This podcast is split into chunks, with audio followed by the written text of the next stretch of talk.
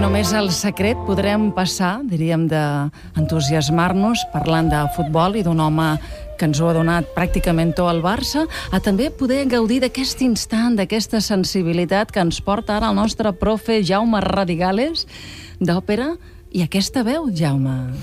Sí, Sílvia, efectivament, perquè aquesta senyora que sentim també ho ha donat tot i durant molts anys una senyora que es diu Edita Gruberova, que seria la senyora real de les dues que avui us porto. Avui us porto dues senyores, una real i una de, una de fictícia. Sí. La real es diu Edita Gruberova i és la senyora que protagonitza l'òpera amb un personatge fictici, tot i que basat en la història, en aquest cas d'Anglaterra, com és Anna Bolena, que recordem que va ser la segona de les sis esposes, atenció, del rei Enric VIII, eh, que s'hi va casar després d'haver-se divorciat Sí. de, de Caterina d'Aragó, aquella reina espanyola, que va propiciar aquest divorci, el, el cisma amb l'Església de Roma i el naixement de l'anglicanisme. Eh, uns personatges que els oients recordaran perquè s'ha fet cèlebre aquesta sèrie Els Tudor, en què s'ha explicat aquesta història d'aquest rei convuls, Ah, sí? i que la imaginació romàntica de Gaetana Donizetti va convertir en, en òpera, en una versió que, més o menys amb una certa veracitat, explica la trista història d'aquesta Anna Bolena. I precisament m'agradaria que escoltéssim aquest fragment que ara sentim, perquè està presidit aquest fragment per dos instruments, la veu humana i un corn anglès que s'associa a la nostàlgia. Giorno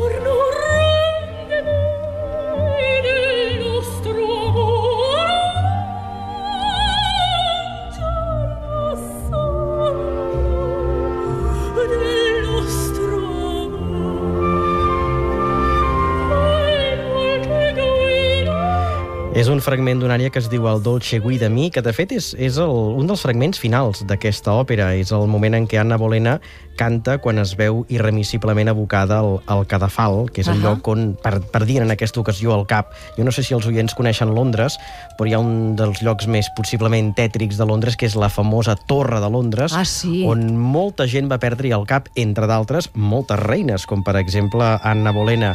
És de, de visita obligada, eh? A més, és un passeig molt, in, jo crec que interessant i impactant alhora veure cadascuna de les saletes i dels edificis, les explicacions. És una d'aquelles coses que és turística, però que s'hi val d'anar-hi, eh? Sí, queda una mica lluny del centre i l'entrada val a Sí. dir que no és pas barata, però val la pena. A més a més, veus aquells senyors que en diuen bifiter, que d'aquí uh Mhm. -huh. suposo que ve el nom de la, la famosa ginebra, uh -huh. que són els, els, que, el- els guardes, diguem, que custodien les joies de la corona i també aquests llocs on, presumiblement, varen perdre el cap mm, senyores com aquesta Anna Bolena, que recordem-ho, la història ens diu que eh, Enric VIII la va fer assassinar quan eh, va descobrir que eh, li feia el salt. Uh -huh. Aleshores, Enric VIII el que va fer va ser casar-se amb la que seria la seva tercera esposa, que era Giovanna Seymour. I aquesta, això és història, eh? Però Sí, també, sí. també és òpera amb més Clar. òpera, i és l'òpera que, precisament, perquè us ho porto? Doncs perquè demà passat, dijous, comença la primera de les funcions que el Gran Teatre del Liceu ha programat de l'òpera de Donizetti, una obra amb llibret de Felice Romani, que adulcora una mica la història. L'important és la música de Donizetti, un dels compositors més importants del bel canto.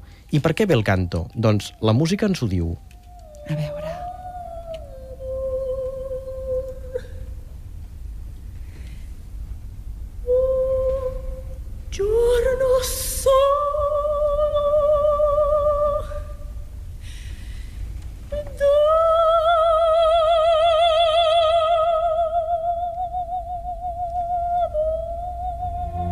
Si t'hi fixes, és un cant, és un cant Oh, amable, un cant bé, refinat, molt una mica bé. adulcorat, si vols, eh? però Sí. de fet és molt proper als ideals musicals que no busquen l'expressivitat, sinó fer de la veu el paradigma de l'artifici. Molt bé. I aquesta obra és interessant perquè és la primera de les òperes que es va representar al Gran Teatre del Liceu eh, l'any 1847, eh, no el dia de la inauguració, sinó dies després de la inauguració de la Rambla. I ara torna amb la veu poderosíssima d'aquesta senyora que ara sentim, Edita Gruberova, una soprano que és eslovaca, havia nascut, va néixer a Bratislava, tot i que viu a Viena, i que, atenció, ja té 64 anys. Els va fer el 23 de desembre.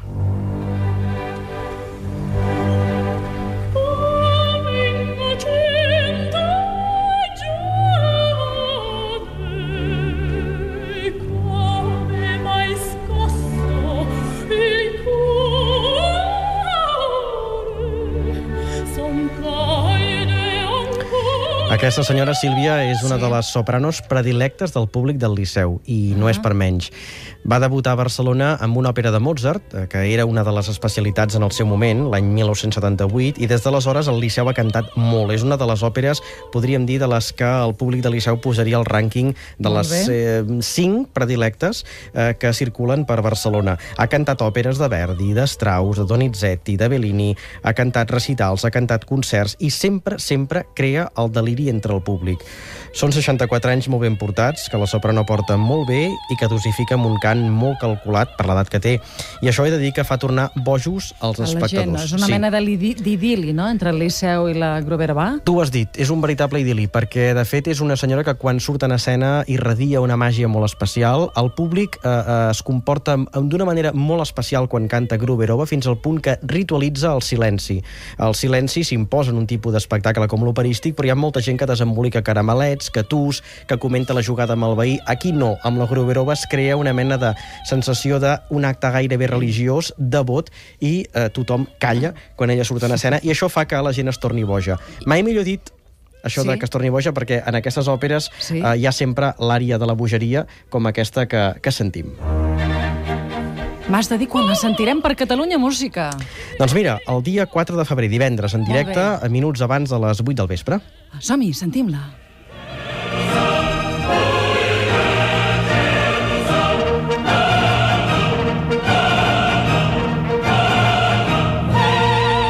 Aquests secrets d'òpera, nosaltres ens acomiadem. Gràcies, Jaume Radigales. A tu, bona tarda. la setmana vinent.